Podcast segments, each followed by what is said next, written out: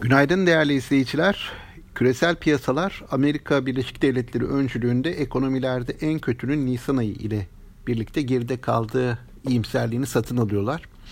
Burada aslında e, baktığınız zaman gelen gerek veri akışı gerekse de bu Amerika ile Çin arasında yeniden gerginleşme eğilimi gösteren e, anlaşmazlık konuları e, piyasalarda aslında yeterince tedirgin olmak için sebep yaratıyor ama e, genelde baktığımızda piyasanın şu an e, üzerinde durduğu özellikle Amerikan tarafında üzerinde durduğu konu bu e, dip seviyenin Nisan ayında görüldüğü ve bundan sonra artık e, kötü dönemler olsa da Nisan ayındaki kadar e, diplerin görülmeyeceği veya ekonomik yavaşlamanın e, görülmeyeceği yönünde.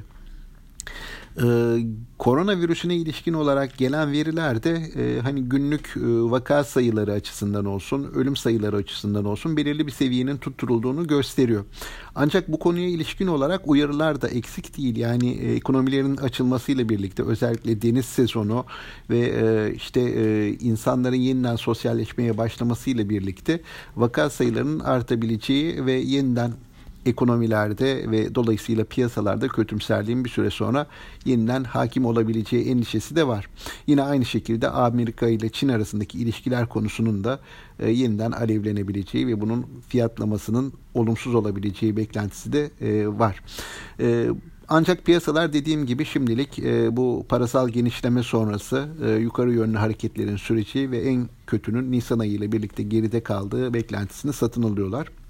Biz de buna paralel hareket ediyoruz. Ee, dün bizim piyasada da e, uzun bir süredir ilk defa 105 bin seviyesinin üzeri görüldü. Kapanışta 105 bine yakın seviyelerden yapıldı.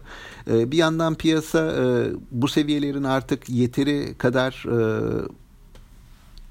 fiyatlandığı beklentisiyle kar realizasyonunu konuşmaya başladı. Ama bir yandan da Amerika güçlü kaldıkça bizim burada da hareketlilik devam ediyor. Şimdi piyasa açısından bugün yapılacak bir e, kabine toplantısı önemli. Bu toplantıda e, bundan sonraki normalleşme adımlarına ilişkin bir bilginin verilmesi bekleniyor. Bu konuda eğer olumlu haberler gelirse piyasanın moral ve ivme açısından e, destek sağlayacağını tahmin ediyorum. E, yine aynı şekilde bugün ayrıca Ekonomik Güven Endeksi ve yarın da e, finansal istikrar raporu açıklanacak. Buradaki satır araları da yatırımcılar tarafından yakından takip edilecek diye tahmin ediyorum. E, benim genel görüşüm yurt dışı taraf özellikle Amerika bozulmadıkça bizim burada piyasa hisse değişimleriyle belki bazı sektörler geride kalacak ama hisse değişimleriyle yukarı yönlü hareketini sürdüreceği e, yönünde.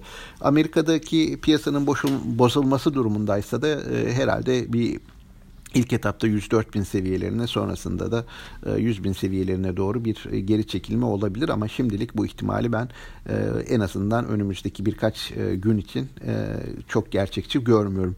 Dolayısıyla bugün de borsanın güne alıcılı başlamasını bekliyoruz. Tüm yatırımcılara sağlıklı, bol ve bereketli kazançlı günler dilerim.